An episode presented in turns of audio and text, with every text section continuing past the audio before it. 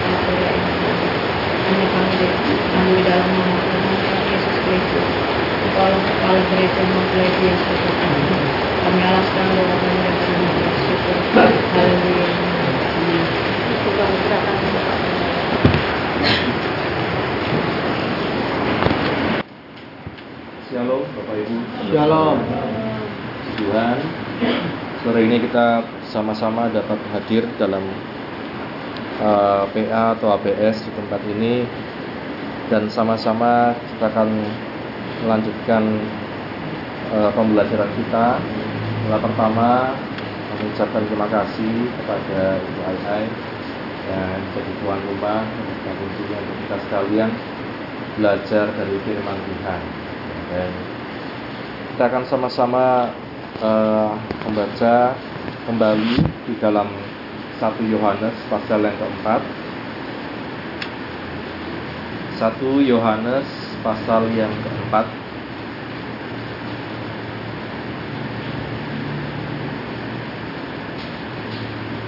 mulai dari ayat yang ketujuh sampai di ayat yang ke-12. 1 Yohanes 4 ayat 7 sampai ayat yang ke-12. 1 Yohanes pasal 4 ayat 7 sampai 12. Allah adalah kasih.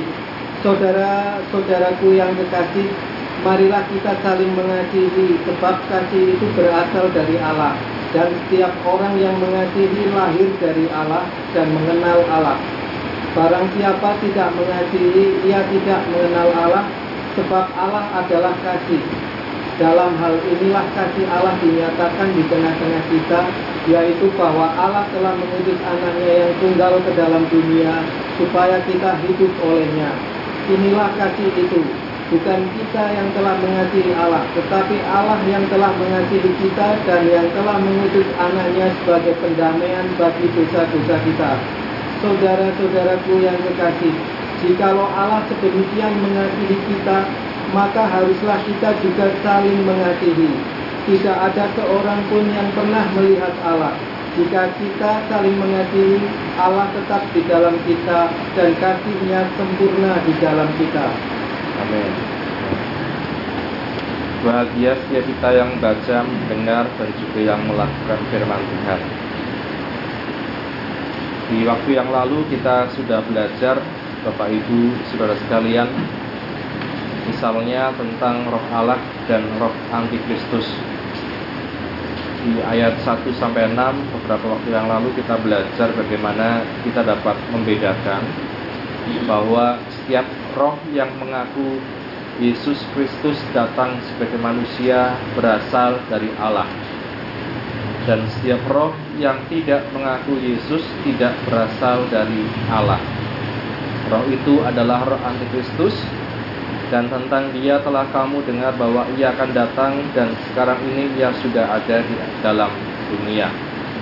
Dan kita melihat di waktu yang lalu di ayat yang ke-6 kami berasal dari Allah barang siapa mengenal Allah ia mendengarkan kami.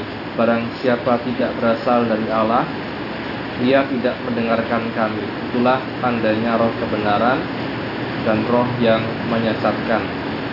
Jadi kita melihat Bapak Ibu saudara sekalian salah satu tandanya dalam kehidupan kita sebagai orang percaya dikatakan jika kita dipimpin oleh roh Allah maka kita akan menjadi pribadi yang mendengar atau dengar-dengaran. Dan ini yang uh, kemarin kita bahas bahwa dalam dunia ini sekarang semua serba cepat semua serba uh, luar biasa dan sering kali orang tidak bisa fokus ya untuk mendengar karena walaupun informasinya sangat banyak tetapi sering kali kita lebih cepat untuk berbicara, berkomentar daripada mendengar.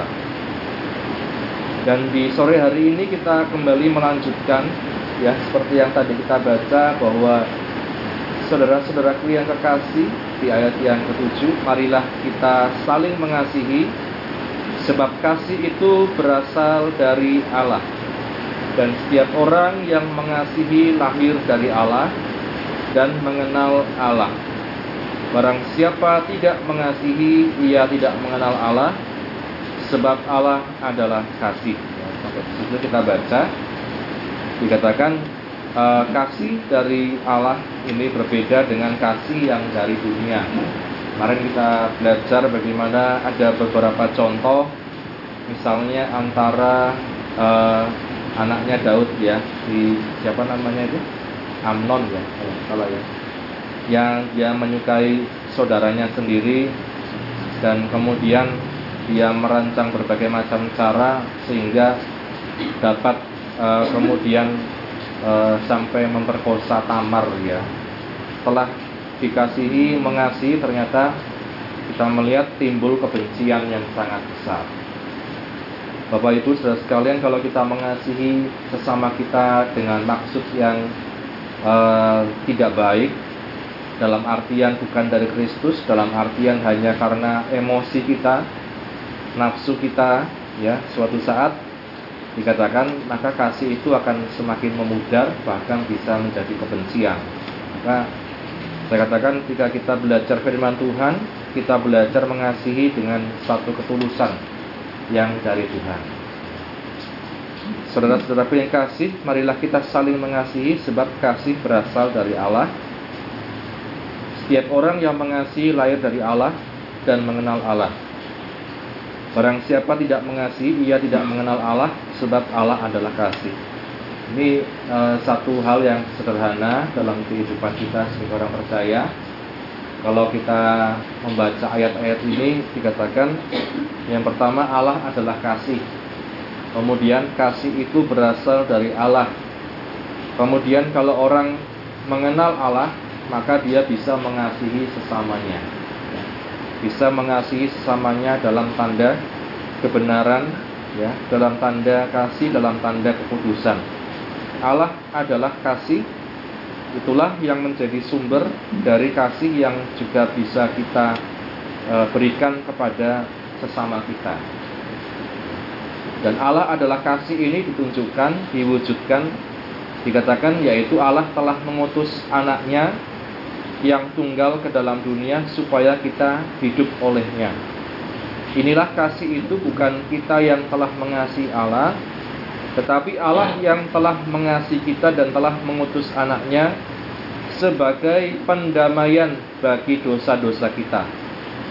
Nah ini Bapak Ibu sekalian, inilah Allah adalah kasih dan Allah yang dikatakan telah menunjukkan kasihnya itu dengan mengutus anaknya supaya kita hidup olehnya.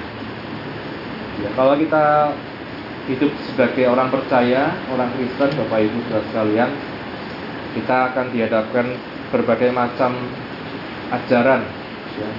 Dewasa ini juga kita melihat berbagai macam ajaran, misalnya tentang uh, kemakmuran, ya teologi kemakmuran. Orang kalau ikut Tuhan itu akan Eh, mendapat kekayaan, kesuksesan, kemudian tidak pernah sakit, kemudian apa dan macam-macam. Tapi kita melihat Bapak Ibu dan sekalian dalam firman Tuhan bahwa ketika kita menjalani hidup kita sebagai orang percaya, sebagai orang Kristen, bukan sekedar kita itu ingin mendapatkan sesuatu, bukan sekedar kita ingin meraih sesuatu, tetapi justru kita melihat seperti teladan Allah yang mengutus anaknya supaya kita hidup olehnya. Bukan kita yang telah mengasihi Allah, tetapi Allah yang telah mengasihi kita, mengutus anaknya sebagai pendamaian bagi dosa-dosa kita. Justru kasih itu dikatakan memberi, ya, bukan hanya meraih, bukan hanya ingin dikasihi oleh orang lain, tetapi belajar untuk mengasihi orang lain. Ini Bapak Ibu sekalian. Maka kita meneladani ini bahwa itulah uh, Tuhan yang kita kenal. Kalau kita mengikut Tuhan dikatakan bukan kemudian kita harus menjadi uh, seperti yang diajarkan teologi kemakmuran itu ya, kemudian lancar semuanya, bisnisnya lancar semua, cuan terus ya, kemudian e, mendapatkan apa yang diminta, mendapatkan apa yang diinginkan. Tidak selalu seperti itu, Bapak Ibu sekalian. Kita belajar di dalam firman Tuhan justru Allah mengutus anaknya ke dalam dunia supaya kita hidup olehnya. Ya, artinya kita dikatakan kalau kita ikut Tuhan itu bukan kita ingin sekedar mendapat sesuatu dari Tuhan, bukan untung-untungan sama Tuhan. Ya, saya kalau ke gereja dapat apa ya misalnya. Saya kalau beribadah nanti dapat berkat apa ya itu adalah sesuatu yang otomatis ya diberikan ketika kita menjalankan firman Tuhan, ketika kita uh, menjalankan apa yang menjadi peraturan dan lain sebagainya. Tapi tentang hidup kekristenan bukan sekedar itu. Justru dikatakan kita belajar untuk memberi, belajar untuk berkorban. Ya. Maka bukan kita yang mengasihi Allah, tetapi Allah yang mengasihi kita dan mengutus anaknya sebagai pendamaian bagi dosa-dosa kita. Ya.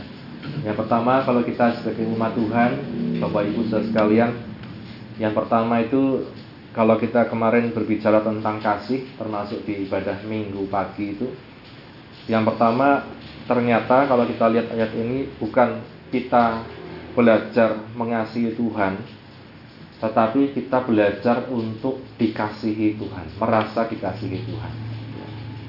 Ada orang yang hanya fokus uh, bagaimana saya mengasihi Tuhan lebih baik, bagaimana saya ikut Tuhan lebih baik, bagaimana saya mengiring Tuhan lebih baik, tetapi tidak pernah merasakan kasih Tuhan, tidak pernah merasa dikasihi oleh Tuhan. Contohnya, ketika dia menerima kebaikan, ya misalnya dari orang lain, dia tidak merasa nyaman, ya Bapak Ibu saudara mungkin kalau terbiasa melakukan semuanya sendirian, saya bisa ini, bisa itu, semua bisa saya lakukan sendiri. Ketika kita mendapat kebaikan dari orang lain, justru kita rasanya itu seperti mau menolak gitu ya, menolak. Ya. Nah, firman Tuhan katakan yang pertama kita harus dikatakan punya satu rasa bahwa Allah itu yang terlebih dahulu mengasihi kita dan mengutus anaknya sebagai pendamaian bagi dosa-dosa kita. Pertama, kasih itu kita terima dulu, baru kita bisa mengasihi Tuhan. Pertama, kasih itu kita terima dulu, baru kita bisa mengasihi sesama. Ya.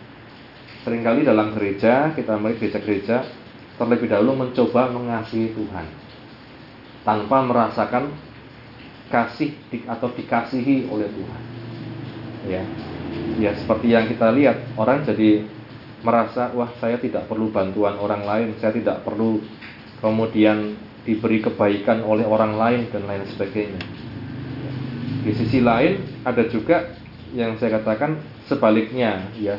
Orang hanya cenderung untuk dikatakan maunya mendapatkan sesuatu dikasihi terus ya. Kemudian kita melihat tidak belajar mengasihi sesamanya Nah ini juga kita melihat jadi ada yang tidak bisa merasakan dikasihi Tuhan, ada yang terlalu banyak dikatakan dia ingin dikasihi oleh orang lain. Ya, ini Bapak Ibu Saudara sekalian, maka firman Tuhan katakan kasih Allah itu seperti apa? Kasih Allah kasih yang memberi dan kasih Allah itu kasih yang berinisiatif terlebih dahulu. Allah yang lebih dahulu mengasihi kita bukan kita yang telah mengasihi Allah.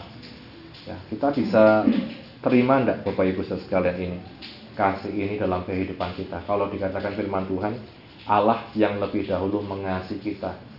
Ya, sering kali orang eh, pikirannya, wah saya yang lebih dahulu mengasihi Tuhan.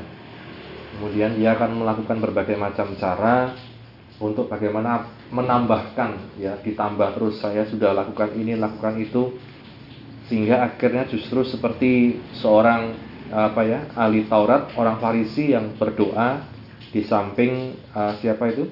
Pemungut cukai Bapak Ibu saudara sekalian. Dia merasa mengasihi Tuhan dia merasa sudah melakukan banyak hal untuk Tuhan saya sudah melayani Tuhan saya sudah ini sudah itu. Akhirnya justru firman Tuhan katakan doanya tidak diterima oleh Tuhan. Ya.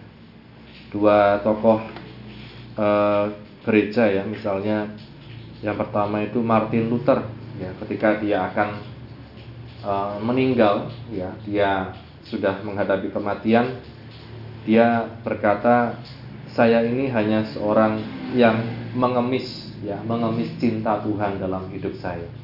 Ya, Bapak Ibu saudara sekalian, dia tidak banggakan uh, saya ini sudah lakukan ini, saya sudah khotbah sekian lama, saya sudah menulis buku sekian banyak. Tetapi ketika dia menghadapi kematiannya, dia hanya berkata, yang saya butuhkan sekarang hanya kasih Tuhan. Yang saya butuhkan sekarang itu dikatakan saya ingin merasakan cinta Tuhan dalam hidup saya. Ya, Bapak Ibu sekalian, apa yang bisa kita banggakan dalam kehidupan ini? Semuanya itu dikatakan hanya kasih karunia dari Tuhan. Ya, maka kita pun dalam melihat sesama Bapak Ibu sekalian, Apakah kita bisa melihat seburuk-buruknya orang, ya, sejelek-jeleknya orang, seberbedanya orang itu dari kita?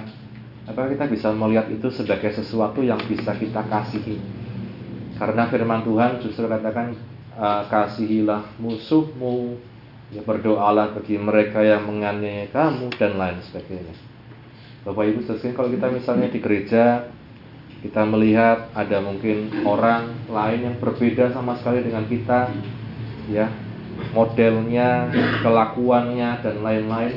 Apa yang cenderung kita rasakan dalam hati ini? Kadang kita merasa wah saya lebih baik dari dia. Dia kok bisa-bisanya masuk gereja ya. Bapak Ibu sekali ini artinya kita justru mencoba untuk mengasihi dengan kasih dari kita sendiri kita tidak belajar bahwa kita ini dulunya ya bukan siapa-siapa, tetapi dikasihi Tuhan. Ya, kita ini bukan siapa-siapa kalau di luar Tuhan. Ya, maka eh, ada satu cerita eh, mungkin pernah saya sampaikan juga ketika ada seorang yang jarang sekali ke gereja, Bapak Ibu sekalian. Ibunya ke gereja, suaminya jarang sekali ke gereja, tidak tertarik ya, hingga satu saat dia ke gereja. Dia ke gereja dia uh, entah ada gerakan apa di gereja dia datang. Kemudian dia nikmati hadirat Tuhan. Dia nikmati ibadah. Eh dilalah. Kemudian ada yang telepon dan HP-nya belum di silent ya. HP-nya bunyi ting tong ting tong ting tong, ya. Langsung semua jemaat melihat ke arahnya dia dengan rasa iki wong orang ngerti adat apa piye hmm. orang ngerti sopan santun apa piye ya. akhirnya dia pulang dengan perasaan yang tidak nyaman dia pulang dengan perasaan kecewa kecewa pada dirinya sendiri kecewa juga pada orang lain minggu berikutnya dia ke kafe ke bar ya. dia ke kafe dia pesan minuman eh dilalah dikatakan apa nyenggol nyenggol apa pelanggan lain sehingga gelasnya pecah. Dia sudah takut, eh pelayan barnya katakan tidak apa-apa pak, santai aja, ya, tidak apa-apa. Anda santai saja nanti saya buatkan yang baru. Anda diterima di sini. Ya, Bapak Ibu kita lihat perbedaannya. Orang berbuat satu kesalahan kecil di gereja, orang lain sudah langsung lihat, ya, dengan tatapan wah ini kalau bisa jangan di sini orang ini gitu ya tetapi di bar, di kafe, ketika kita berbuat kesalahan kecil justru diterima, justru disampaikan lagi, diambilkan lagi minumannya. Penerimaan kasih di dunia, walaupun tentu karena dia membayar minuman itu, tetapi kita melihat berbeda sekali Bapak Ibu sekalian. Seorang bernama Mahatma Gandhi, seorang India, tokoh India, Bapak Ibu sekalian, dia sangat tertarik dengan ajaran Tuhan Yesus. Kalau di India itu Hindu biasanya. Dia tertarik dengan ajaran Tuhan Yesus. Uh, Tuhan Yesus yang dikatakan di khotbah di bukit itu ya, ucapan bahagia berbahagialah engkau yang miskin di hadapan Allah, berbahagialah engkau yang berduka cita. Ya, sehingga dia mengadakan perlawanan terhadap Inggris dengan cara-cara yang damai. Ya, Mahatma Gandhi. Satu saat dia mau pengen. Ya saya mau kenal Tuhan lebih lagi. Saya mau ke gereja. Ya Mahatma Gandhi Bapak Ibu sekalian kalau kalau orang India kuno pakai pakaiannya hanya selendang ya disampingkan ya di Bapak Ibu kalau lihat film-film mungkin ya film India yang kuno-kuno itu hanya selendang disampingkan itu pria. Tidak pakai apa ini namanya uh, alas kaki, tidak pakai alas kaki mungkin hanya sandal. Dia mau masuk ke gereja isinya orang Eropa semua, pakaiannya pakaian jas, pakaiannya rapi-rapi semua, diusir sama orang gereja. Anda tidak layak di sini. Siapakah Anda? Ya. Dia akhirnya pergi. Dia katakan kemudian kepada eh, orang-orang uh, di sekitar, "Saya suka sama Tuhan Yesus." Tapi entah kenapa berbeda sekali dengan orang Kristen. Ya, Bapak Ibu sekalian sering kali ini hal-hal yang kecil seperti ini Bapak Ibu ketika ada perbedaan, ada hal-hal yang mungkin tidak sesuai dengan prinsip kita dan lain sebagainya. Kemudian e, masuk dalam gereja dan lain sebagainya, kita kemudian merasa sudah wah ini kalau bisa jangan ya gitu ya. Nah, ini Bapak Ibu saudara sekalian yang kita e, perhatikan dalam kehidupan kita bahwa pertama kita perlu merasa dikasihi Tuhan lebih dulu. Baru kita bisa mengasihi orang lain dengan ketulusan. Kalau tidak, yang ada kita hanya akan merasa diri kita lebih mengasihi dari orang lain orang lain kurang mengasihi Tuhan karena perilakunya, karena apanya dan lain sebagainya. Ya.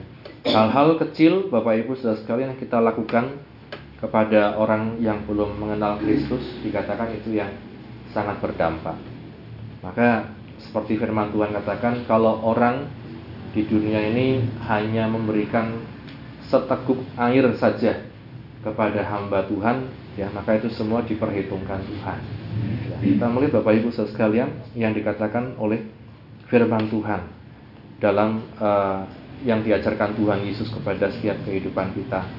Maka inilah yang patut kita perhatikan kita bisa ikut Tuhan itu semua karena anugerah. Ya, ibaratnya kalau orang menggambarkan itu seperti orang lagi tenggelam di lautan, dia sudah lemas, dia tidak bisa apa-apa, dia tidak punya kekuatan. Kemudian datanglah tiba-tiba seorang penolong, penyelam. Ya, dia tidak punya kekuatan untuk menolong dirinya sendiri. Akhirnya diangkat oleh uh, penolong tersebut. Itulah seperti Tuhan yang mengangkat kita, Tuhan yang menolong kita, bukan karena kita bisa, bukan karena kita hebat. Firman Tuhan seperti dikatakan tadi dalam cerita tadi sudah tidak bisa apa-apa. Kita karena dosa. Ya total kerusakan manusia itu karena dosa. Dan seperti tidak berdaya tetapi kita mendapat pertolongan yang mau tidak mau kita harus terima dari Tuhan kalau kita bayangkan seorang apa yang tenggelam tadi kalau dia tiba-tiba nolak pertolongan dari penolong tersebut apa yang terjadi ya tentu dia akan mati tidak bisa kita tolak. Anugerah Tuhan itu seperti itu. Akhirnya artinya bahwa dalam kita berpikir pun ketika orang belum mengenal Kristus, orang mungkin di luar Kristus, kalau dia sudah apa bertemu dengan anugerah Tuhan, anugerah itu tidak bisa ditolak. Tetapi kalau kita usahakan dengan kekuatan kita sendiri, sehebat apa pun kita menyampaikan firman Tuhan, sebagus apa pun kita bersikap, orang itu tidak bisa menerima. Karena apa dikatakan? Kalau kita melihat dalam Yohanes uh, Injil Yohanes pasal yang ke-14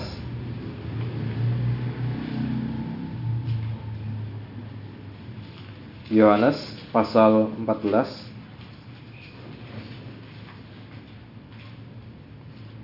kita baca di ayat yang mulai dari ayat yang pertama Pak Yohanes 14 mulai ayat 1. Yohanes pasal 14 ayat 1. Rumah Bapa. Janganlah gelisah hatimu, percayalah kepada Allah, percayalah percayalah juga kepadaku. Di rumah Bapakku banyak tempat tinggal. Jika tidak demikian, tentu aku mengatakannya kepadamu, sebab aku pergi ke situ untuk menyediakan tempat bagimu. Dan apabila aku telah pergi ke situ dan telah menyediakan tempat bagimu, aku akan datang kembali dan membawa kamu ke tempatku, supaya di tempat di mana aku berada, kamu pun berada. Dan ke mana aku pergi, kamu tahu jalan ke situ. Kata Thomas kepadanya, Tuhan, kami tidak tahu ke mana engkau pergi.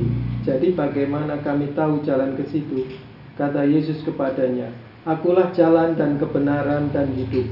Tidak ada seorang pun yang datang kepada Bapa kalau tidak melalui aku. Ya, sampai di situ kita melihat dikatakan tidak ada seorang pun yang dapat datang kepada Bapa kalau tidak melalui Tuhan Yesus dan jalannya itu ya Yesus Bapak Ibu saudara sekalian jalannya itu bukan karena kita hebat bukan karena kita bisa tetapi jalannya itu ya Yesus dan firman Tuhan katakan kalau kita kenal Tuhan Yesus maka apa yang terjadi kita bisa mengenal kasih Yesus itu kasih yang bukan hanya menuntut orang lain tapi kasih yang justru belajar untuk memberi kebahagiaan. Maka kalau saya katakan kalau dalam bimbingan pranikah ya, menikah itu bukan mencari kebahagiaan, menikah itu memberi kebahagiaan. Ya. Kalau kita mencari kebahagiaan pasti akan ada kekurangannya terus pasangan kita. Tapi kalau kita belajar untuk memberi kebahagiaan, ya kita belajar untuk sama-sama saling dewasa menyikapi berbagai macam hal. Ya.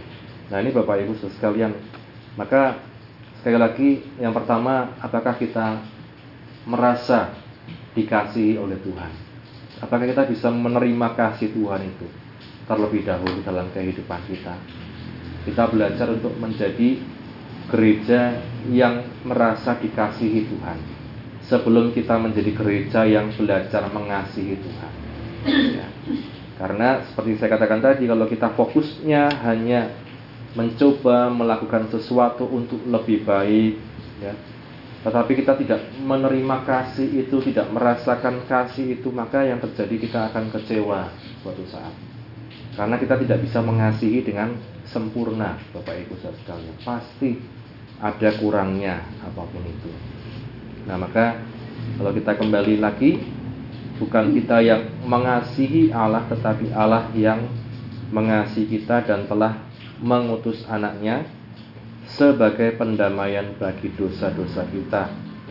Saudara-saudaraku yang kasih, jikalau Allah sedemikian mengasihi kita, maka haruslah kita juga saling mengasihi. Tidak ada seorang pun yang pernah melihat Allah. Jika kita saling mengasihi, Allah tetap di dalam kita dan kasihnya sempurna di dalam kita. Firman Tuhan katakan tidak seorang pun pernah melihat Allah, Bapak Ibu sekalian.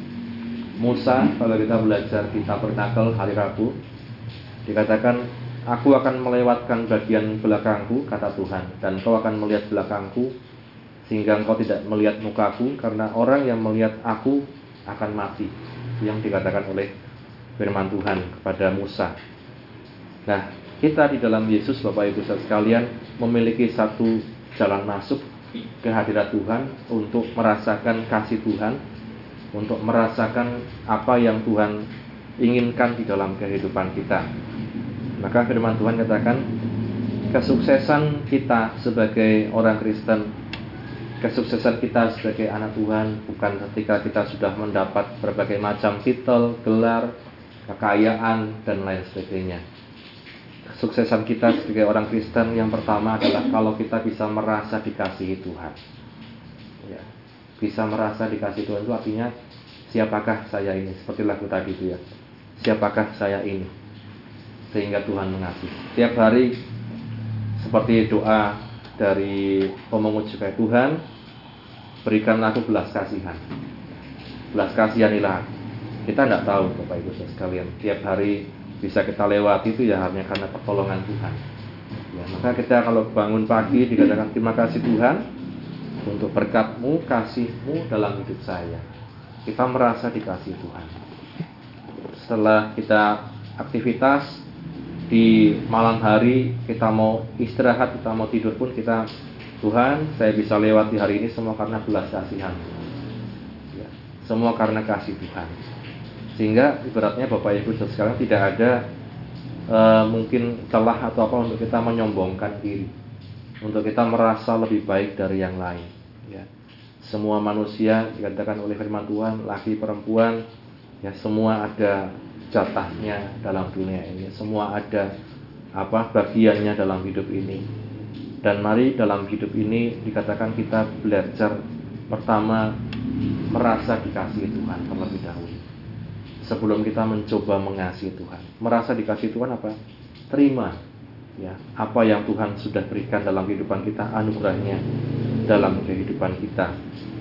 Yang kedua, mari kita juga belajar saling mengasihi dengan kasih yang dari Tuhan. Ya, kesuksesan orang Kristen yang kedua adalah ketika dia mau belajar saling mengasihi. Ketika mau belajar saling mengasihi, artinya mau belajar untuk hidup dalam komunitas. Seperti sekarang ini Bapak Ibu, kita bersama-sama hadir tempat ini, kita saling berbagi firman, itu artinya kita mau saling belajar belajar untuk saling mengasihi. Ada orang yang tidak mau ikut persekutuan, tidak mau ikut komunitas karena apa? Wah, nggak maulah nanti tahu-tahu ada yang nyakiti saya, tahu-tahu saya tersinggung, tahu-tahu ada perkataan yang tidak sesuai dengan hati saya. Akhirnya tidak mau, lebih baik saya apa menjauhkan diri. Ya, padahal firman Tuhan katakan janganlah jauhkan diri dari pertemuan ibadah. Ya, ini Bapak Ibu. Maka dua kesuksesan orang Kristen saya katakan yang pertama ketika dia bisa merasa dikasih oleh Tuhan dia bisa menerima kasih itu dan yang kedua dia bisa saling mengasihi. Ya termasuk dengan yang sangat berbeda dengan kita. Termasuk dengan yang sangat mungkin kita apa ya kalau saya katakan berbeda sekali lah dengan tipe kita dan lain sebagainya.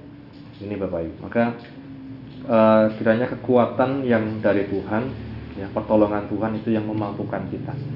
Saya lagi mari belajar untuk kita terus merasakan kasih Tuhan dan belajar untuk saling mengasihi dalam kehidupan kita. Amin. Firman Tuhan yang saya sampaikan di sore hari ini kiranya menjadi berkat untuk kita sekalian. Dan kita akan masuk dalam sesi sharing. Yang pertama uh, kepada uh, tuan rumah ya mungkin. Nanti untuk menyampaikan uh, sepatah dua patah kata. Shalom. Shalom. Terima kasih atas kehadiran Bapak Ibu Gembala, Ibu Penasehat, juga Bapak Ibu semuanya. Kami bersyukur ya masih diberikan kesehatan, panjang umur, sehingga kami boleh berkumpul untuk kami ibadah bersama di tempat ini dan kiranya firman yang sudah disampaikan kepada kami, firmannya boleh menjadikan kekuatan bagi kami untuk kami lebih mengenal lagi kasih yang daripada Kristus. Kami boleh merasakan kasih yang daripada Tuhan. Kami juga belajar untuk mengasihi sesama kami, mengasihi Tuhan juga. Biarlah Tuhan semakin menguatkan kami, semakin memberikan kami kekuatan yang baru, semangat yang baru kiranya itu yang saya sampaikan. Terima kasih buat sore hari ini buat firmannya. Kiranya Tuhan memberkati kita semua. Terima kasih. Kasih. Silakan Bapak Ibu yang ingin sharing baik tentang firman Tuhan atau mau bersaksi tentang cinta kasih Tuhan ini waktunya monggo gini seperti yang tadi Bapak Gembala sampaikan bahwa apa kalau kita menerima kasih kalau kita menolak itu sebetulnya kurang baik ya. Berarti kita belum merasakan kasih yang dari Tuhan. Saya sering memang saya akui saya sering menolak. Kadang kayak contohnya seperti Mbak Iin atau Mbak Supri sini sih saya bantu apa-apa gitu. Oh nggak usah Mbak Iin. Saya bisa lakukan sendiri. Tapi sebetulnya tuh apa ya bukan saya tidak merasakan kasih yang daripada Tuhan ya. Saya betul Tuhan mengasihi saya. Cuma saya itu enggak enakan orangnya gitu. Itu gimana Om Yes? Enggak enakan barangkali Mbak Yen itu punya kesibukan sendiri. Mbak Supri contohnya mau punya salon gitu yang sih harus ya waktunya terganggu kalau harus bantu saya. Itu gimana itu jatuhnya jadi saya bukan karena menolak tapi itu saya orangnya kan enak sungkan. Oke bu ya bapak ibu mungkin ada yang mau menanggapi lebih dulu? Tentang nggak enakan memang banyak sekali ya. Maksud saya juga nggak enakan. Sangat tidak enakan tapi ya ada uh, gitu Iya. Ada kalanya di mana ketika memang betul-betul membutuhkan itu memang mau tidak mau sih. Oh, gitu. Eh, dulu waktu misalnya saya kuliah eh, ada mungkin teman-teman yang mau bantu saat tugas dan lain sebagainya. Kadang saya tidak enakan dan lain sebagainya. Tapi kemudian saya pikir lagi ya ini salah satu cara juga kita memberkati orang lain. Ketika orang lain itu menolong kita dia mendapat berkat juga dari Tuhan jadi kalau memang itu pertolongan yang kita butuhkan, kalau memang itu pertolongan yang kita perlukan, ya kalau saya katakan terima saja. Ya. Ya, kecuali kalau memang kita masih bisa sendiri, ya, tapi jangan sampai dikatakan kita lakukan semua sendiri, kemudian orang lihat, kemudian ingin menolong kita malah kita tolak karena mereka mungkin kan baik juga niatnya. Ya, mungkin mungkin lebih ke perasaan tidak enak. Eh, ya beda-beda tipis lah ya ada ya. Tapi ketika memang kita butuh pertolongan, ya tidak ada salahnya menerima pertolongan. Ya, karena saya percaya orang menolong juga dengan satu ketulusan. Ya, berbeda dengan mungkin kasih-kasih di dunia ini tentu. Tapi saya percaya kalau orang menolong itu ketulusan. Ya. Terima kasih. ya. Ada lagi, Bapak Ibu? Ya.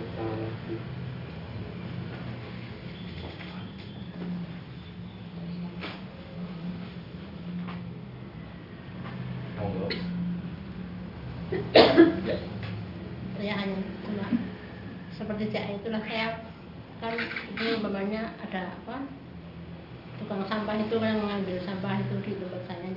Saya sok kasihan gitu punya apa tuh tak kasih tak kasih itu saya merasakan ikut itu Tuhan itu mau ngasih lebih gitu dari dari yang saya berikan sok merasa paling nanti Tuhan mesti oh, mesti seperti yang dikasih itu pasti mengganti walaupun saya nggak mengharapkan mengganti mesti Tuhan mesti ngasih apa gitu mesti yang lebih gitu Ya. Ya. kadang ya nggak mengharapkan imbalan cuma apa kasihan gitu kan ada makanan gitu kasih gitu nanti itu di di apa berikan yang lebih Makasih Mbak Sugeng ya. Jadi ini ya dengan satu uh, iman bahwa kalau kita menolong itu artinya juga dikatakan Tuhan itu pasti memberkati ya. Jadi kita mengasihi contohnya tadi memberi sesuatu yang kita ada tentu bukan karena mengada-ada ya, tapi karena ada pasti Tuhan memperhitungkan lah kalau saya katakan bahasanya seperti itu. Dan tentu tukang sampahnya tidak menolak ya mbak ya? Enggak. Dia, dia merasa wah seperti itu. Ya. ada lagi bapak ibu? Monggo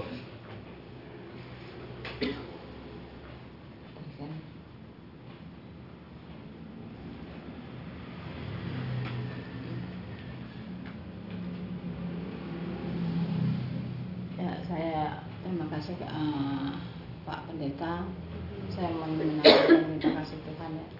Ya mungkin udah lama sih saya udah udah bolak balik saya membicarakan ini, tapi memang kasih Tuhan itu nggak pernah habis dalam hidup saya ya. Sekalipun saya mungkin ya seperti kayak Mbak Sri tadi, tumben Bu Bambang nggak nggak tempat saya. Saya memang mengakui saya ada apa ya kecewa dalam kehidupan saya dalam kesendirian saya ini ya. Saya ingin sendiri memang saat-saat ini. Saya nggak apa namanya nggak melibatkan siapa pun anak maupun orang tua maupun saudara juga jauh kan. Tapi saya cuma hanya melibatkan Tuhan. Saya minta selama saya mengiringi Tuhan di Wonosobo di gereja Gunung Hermon.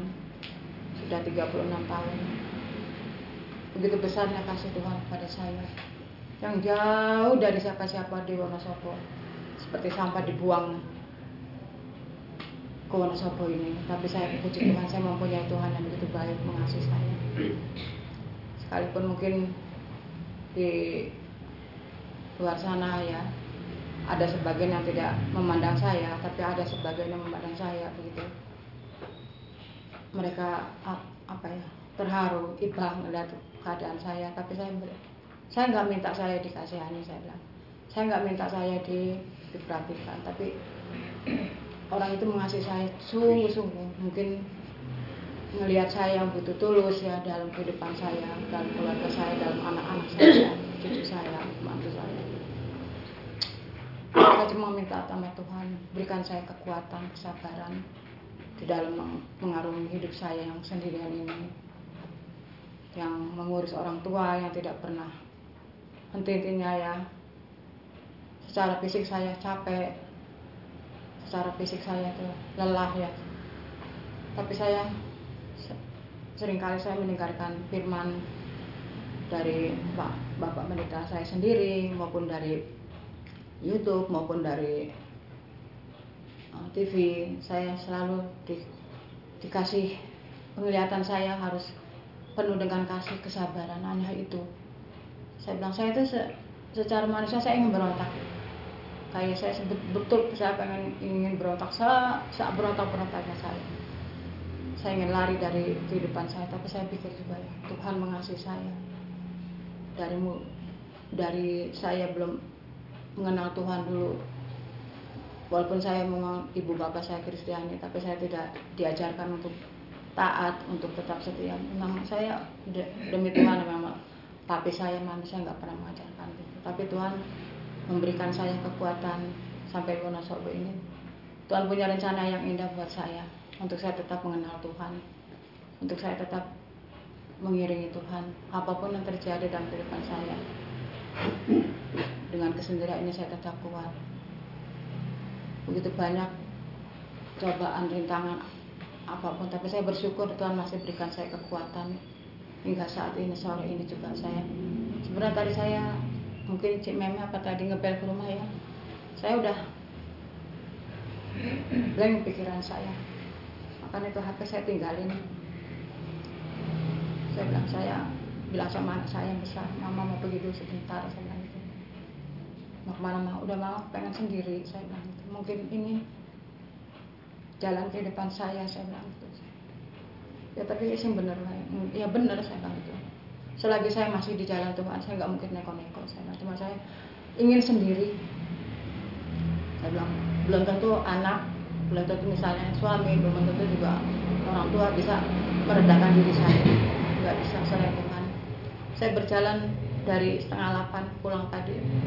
Jam 2 saya. Saya bilang Tuhan saya masih bersyukur masih Tuhan kasih pikiran saya lurus gitu. Ya udah saya udah blank. Udah hampir ya dari mulai kemarin ketemu Mbak Sri sama Mbak Eli itu udah pikiran saya udah blank. Cuma saya enggak saya mau cerita sama Mbak Sri gini tapi saya nggak bisa. Saya diam aja. Saya Tuhan jika saya petunjuk yang benar arah mana yang harus saya jalani? Saya bilang kalau memang Tuhan mengizinkan buka jalan. Kalau memang Tuhan nggak mengizinkan tutuplah jalan itu saya bilang gitu. Saya pulang ke rumah saya bersyukur Tuhan masih berikan kekuatan. Udah saya di jalan udah blank pikiran. Saya bilang saya buat apa? Saya bilang saya mengiringi Tuhan karena saya selalu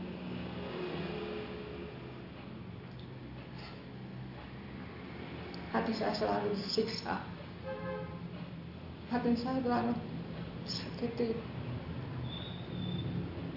tapi saya terima kekuatan ada di, dalam hidup saya Tuhan berikan saya kekuatan sepanjang jalan saya berdoa sampai tadi saya ke tempatnya Mbak Tina bilang Mbak Tina aku jalan doa ya tapi ini mengucapkan saya kekuatan bangun kuat kok karena gitu. Walaupun mungkin posisi sekarang keadaan kaki sakit saya bilang gitu ya. Tapi saya bersyukur saya bilang udah berapa kali ini sampai berapa hari ini saya merasakan tubuh saya sakit lemah kaki saya sakit saya bilang gitu. Tapi saya tetap waktunya ibadah. Memang kalau Sabtu memang saya takut di bawah itu nggak bisa untuk menyate itu saya itu saya bilang saya saya sempatkan untuk datang. Tapi saya bersyukur Tuhan masih berikan saat hari ini saya bisa hadir di tengah-tengah Bapak, Ibu sekalian. Bukan karena kekuatan saya, tapi Tuhan masih mengingatkan saya masih ada Tuhan di atas. Ya mungkin di luar sana orang lain mengenai apa gimana, tapi Tuhan yang menetapkan saya nggak mungkin dia membiarkan saya. Saya cuma minta Bapak, Ibu pendeta, Ibu penasehat, saya minta doa yang saudara-saudara sekalian. Berikan saya kekuatan, kesabaran, untuk saya dapat menjalani hidup. Untuk saya tetap setia mengiringi Tuhan. Sampai Tuhan panggil kapan saya nggak tahu. Apa pun yang saya udah korbankan ya itulah kasih yang nggak pernah saya lepas sekalipun saya jengkel bagaimana dengan keadaan saya dengan keluarga saya? Saya tetap mengasihi mereka karena mereka adalah keluarga saya. Orang tua saya anak cucu saya saya tetap mengasihi. Itulah kesaksian saya kak. Kayaknya saya minta dukungan doa. Saya nggak bisa membalas kebaikan bapak. Ibu gembala ibu nasihat sama saudara-saudara yang lain. Saya cuma bisa terima kasih masih ada waktu untuk saya ibadah saat sore hari ini hanya itu terima kasih semoga Tuhan memberkati saya dan keluarga saya dan saudara-saudara sekalian. Amin. Terima kasih Tante. Tuhan berikan kekuatan selalu dalam menjalani setiap harinya. Eh, Bapak Ibu ada lagi? Saya. Terima kasih waktu yang diberikan. Berbicara tentang kasih, bagi saya itu kasih Tuhan itu sangat luas, sangat dalam, dan bagi saya tidak bisa mengukur seberapa luasnya kasih Tuhan, seberapa dalamnya kasih Tuhan itu. Dan saya juga sudah membuktikannya, merasakannya beberapa hal seperti yang yang pertama tadi seperti yang CII katakan, Riko Pekewo ya, itu juga pernah saya alami eh, ketika mengalami kesulitan, ada orang yang mau menolong saya, saya sudah uh, terima kasih, saya merepotkan, saya tidak mau merepotkan. Begitu karena Riko Pekewo tidak menerima uh, kasih yang disampaikan yang diberikan oleh orang lain dan mungkin juga itu adalah kasih Tuhan lewat orang tersebut. Itu pernah juga saya rasakan. Dan saya juga sudah merasakan bahwa kasih itu mengalahkan uh, keangkuhan ya orang yang sulit saya jangkau orang yang mungkin uh, sangat tidak menyukai saya tetapi ketika saya mengasihi terus dan terus uh, tetapi itu harus berkorban luar biasa terutama berkorban perasaan saya harus harus me, apa betul-betul merendahkan diri serendah-rendahnya untuk mengasihi orang-orang tersebut. Dan eh, firman Tuhan nyata bahwa kasih itu mengalahkan segalanya. E, kenyataannya mereka bisa menerima saya, bisa mengasihi saya, dan bahkan apa-apa sekarang saya yang di yang di apa Eh, yang dipertamakan yang diutamakan. Misalnya ada masalah apa itu eh, kakak dulu itu kakak dulu Wonosobo itu baik keluarga saya sendiri maupun keluarga suami yang tadinya tidak tidak bisa menerima orang Jawa karena saya tidak punya marga. Akhirnya sekarang apa apa ya? Eh, itu kakak Wonosobo. Itu perjuangan yang luar biasa dan membutuhkan uh, apa pengorbanan perasaan. Tetapi hasilnya indah. Uh, saya juga pernah merasakan bahwa saya mampu melakukan sendiri seperti yang tadi Pendeta katakan itu karena saya memang ditempa dari awalnya dari saat kecil bahkan saya bisa manjat genteng manjat pohon uh, metik metik jambu, metik mangga. Saya jago dulu waktu kecil. eh, kelengkeng itu kalau di depan rumah itu ada pohon kelengkeng dua kalau musim berbuah itu harus dibrongsong gitu. Pakai itu saya juga ikut lakukan. Eh, saya tomboi saya. Ketika hujan deras gentengnya melorot gitu mana mungkin saya akan membiarkan ibu saya manjat sendiri. Saya yang manjat ke atas. Jadi saya pernah juga duduk di atas mulu itu ya itu jadi kalau sekarang ketika suami saya tidak ada di rumah oh, lampu mati oh, apa kerannya bocor. Saya bisa melakukan bahkan saya juga bisa melakukan ganti ban mobil. Itu bukan karena apa karena terpaksa. Saya harus melakukannya sendiri karena suami tidak ada. Nah suami di uh, suami di kebun di rumah tidak ada orang. Jadi itu bukan karena uh, kesombongan tetapi karena tidak ada orang yang mau menolong kadang-kadang saya kepepet gitu. Gitu. Saya juga pernah merasakan bahwa ketika saya e, mengasihi orang lain dan orang orang-orang yang ketika saya butuh, butuh pertolongan nggak ada seorang pun yang menolong saya. Nah di situlah saya berlutut. Tuhan tidak ada yang menolong saya. Itu nah e, dari itu semuanya saya mempelajari bahwa kasih Tuhan itu luar biasa misteri dan ketika kita tidak bisa apa-apa lagi Tuhan menyatakan kasihnya. Ketika saya membenci orang, saya tidak bisa mengasihi orang itu. Saya tidak bisa memikirkan kebaikan orang itu tidak bisa. Karena saya e, tertutup oleh kebencian. Tetapi ketika kebencian itu mau mau saya mau belajar untuk melupakan kebencian itu, melupakan luka batin saya, saya mulai bisa mengasihi, mulai bisa menerima. Dan kasih Tuhan luar biasa saya tidak bisa uh, menceritakan semuanya banyak sekali. Itu yang yang bisa saya rasakan bisa saya sampaikan saat ini. Kasih Tuhan itu luar biasa. Sangat luas sangat dalam dan penuh misteri itu terima kasih terima kasih Bunda kita sekalian dikuatkan kasih Tuhan yang luar biasa dalam kehidupan kita. Shalom. Uh, saya juga mau berbagi pada sore hari ini. Uh, sore hari ini saya mendapat dua poin, yaitu tentang mengasihi dan anugerah.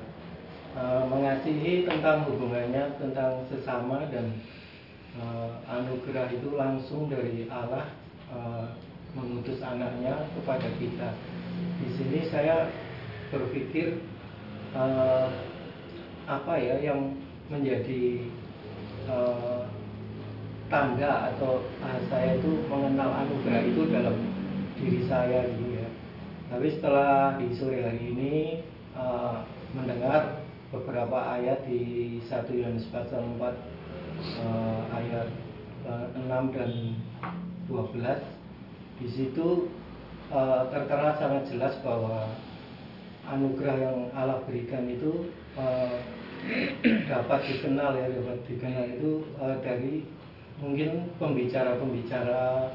Kalau di kita itu ada kebaktian itu ada ada khotbah itu ya itu dari itu kita bisa mengenal bahwa anugerah itu ada di dalam kita dan terus yang satunya itu jika satu Yohanes pasal 4 ayat 12 di sini eh, 12b Jika kita saling mengasihi Allah tetap di dalam kita Dan kasihnya sempurna di dalam kita. Jadi bisa berhubung langsung dengan sesama ya. Jadi di dalam diri kita itu kita harus mengasihi Dan di situ kita tahu bahwa Allah itu ada tetap di dalam kita Dan kasihnya itu sempurna Jadi kita mengenal kasihnya itu sempurna ya. Jadi sore hari ini saya merasakan bahwa uh, Allah itu uh, tinggal dalam saya itu dari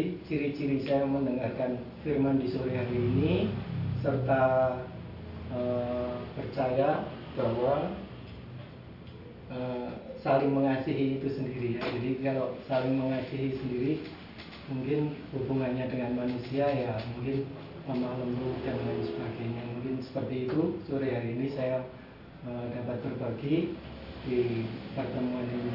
Shalom. Terima kasih Pak Iwan. Ya, jadi ketika kita mendengar dan saling mengasihi itulah dikatakan Allah dalam kita kasihnya sempurna.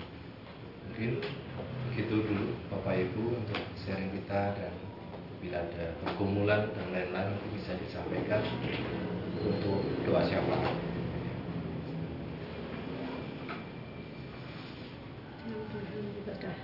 Firman semakin kita apa perlunya kita dipenuhi dengan kasih Allah sehingga kita mampu untuk mengasihi sesama.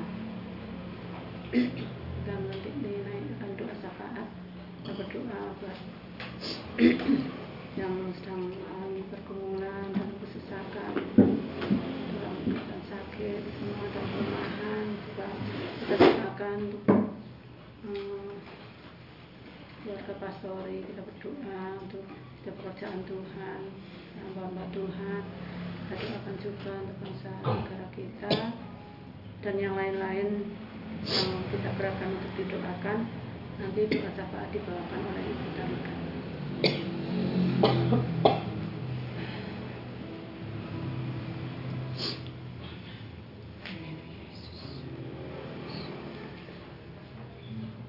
Bapa di dalam surga, kami mengucap syukur Tuhan. Kami berterima kasih buat kesempatan sore hari ini Tuhan.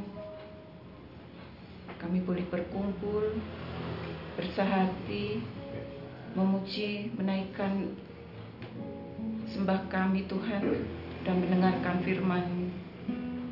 Kami bersyukur Tuhan buat besar kasih-Mu dalam kehidupan kami.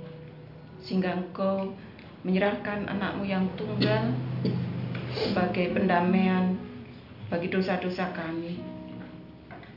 Kami mengucap syukur Tuhan buat firman-Mu yang telah mengajar kami Tuhan untuk kami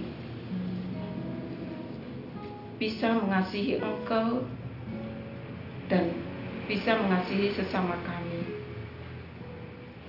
Beri kami kekuatan Tuhan untuk kami bisa menerima perbedaan, untuk kami bisa menerima kekurangan orang lain, untuk kami bisa menerima sikap yang tidak baik eh, kepada kami dan sehingga kami bisa belajar mengasihi saudara-saudara kami Tuhan. Sebab dengan mengasihi saudara-saudara kami sebagai wujud juga bahwa Engkau telah menjadi teladan bagi kami Engkau yang telah lebih dahulu mengasihi kami Tuhan sehingga sebagai satu konsekuensi kami yaitu kami harus bisa harus mampu mengasihi saudara-saudara kami seperti diri kami sendiri. Terima kasih Tuhan buat firman-Mu pada saat sore hari ini juga kesaksian sharing Tuhan yang menguatkan kami Tuhan. Biarlah sharing pada sore hari ini Tuhan semakin menguatkan, semakin um, membuat kami menyadari bahwa mengasihi Engkau bukan karena kami bukan karena hebat kami Tuhan tetapi karena Engkau yang terlebih dahulu mengasihi kami. Terima kasih Tuhan. Sebentar kami mau naikkan doa syafaat kami Tuhan. Terlebih dahulu Tuhan ampuni segala kekurangan kesalahan kami Tuhan. Sehingga doa kami ini layak Engkau dengar. Layak Engkau kabulkan Tuhan. Terima kasih Tuhan, kami mau berdoa buat saudara-saudara kami yang saat ini sedang sakit Tuhan, Mas Agus, Mas Titus, Oma, dan saudara-saudara kami yang lain Tuhan, yang kami tidak bisa sebutkan satu persatu, tapi kami percaya Tuhan, Engkau mengerti kami, mengerti uh, keluarga besar GPGH Tuhan yang saat ini sedang menderita sakit. Kiranya Tuhan yang melawat mereka, kiranya Tuhan yang selalu mengasihi mereka. Tuhan juga yang menjamah dan menyembuhkan mereka.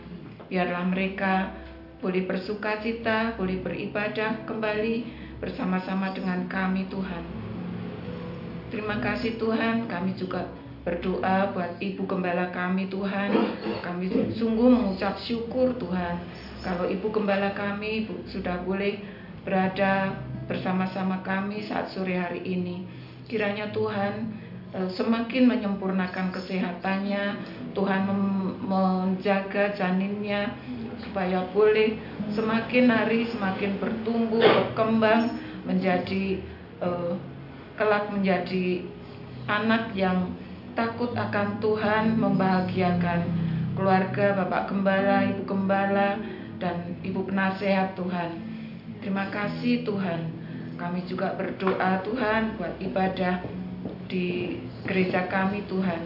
Kiranya Tuhan memberkati setiap ibadah yang dilaksanakan di gereja kami Tuhan dan terutama Tuhan hari Minggu nanti Tuhan biarlah Tuhan memimpin kami menggerakkan setiap hati kami untuk datang ke gereja berduyun-duyun supaya boleh memuji mm, meninggikan namamu Tuhan. Dan kami boleh juga untuk mendapatkan pembaharuan hidup lewat firman yang disampaikan oleh hambamu hari minggu nanti Tuhan. Kiranya Tuhan berkati setiap eh, pelayan para pelayanmu yang pada hari minggu nanti melayani engkau Tuhan. Baik pemimpin pujian eh, singernya pemain musik pelayan kantong persembahan kemudian eh, penerima tamu Tuhan semuanya Tuhan berkati eh, biarlah mereka melayani Engkau dengan setulus hati karena mereka menyadari bahwa melayani Engkau karena Engkau sudah mengasihi mereka. Terlebih lagi Tuhan, hambamu yang menyampaikan firman-Mu hari Minggu nanti. Kiranya Tuhan berikan uh, pembukaan rahasia firman, sehingga firman yang disampaikan boleh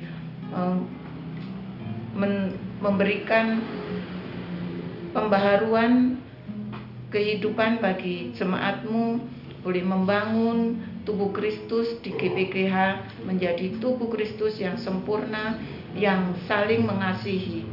Terima kasih Tuhan juga untuk ibadah sekolah minggu dan remaja Tuhan.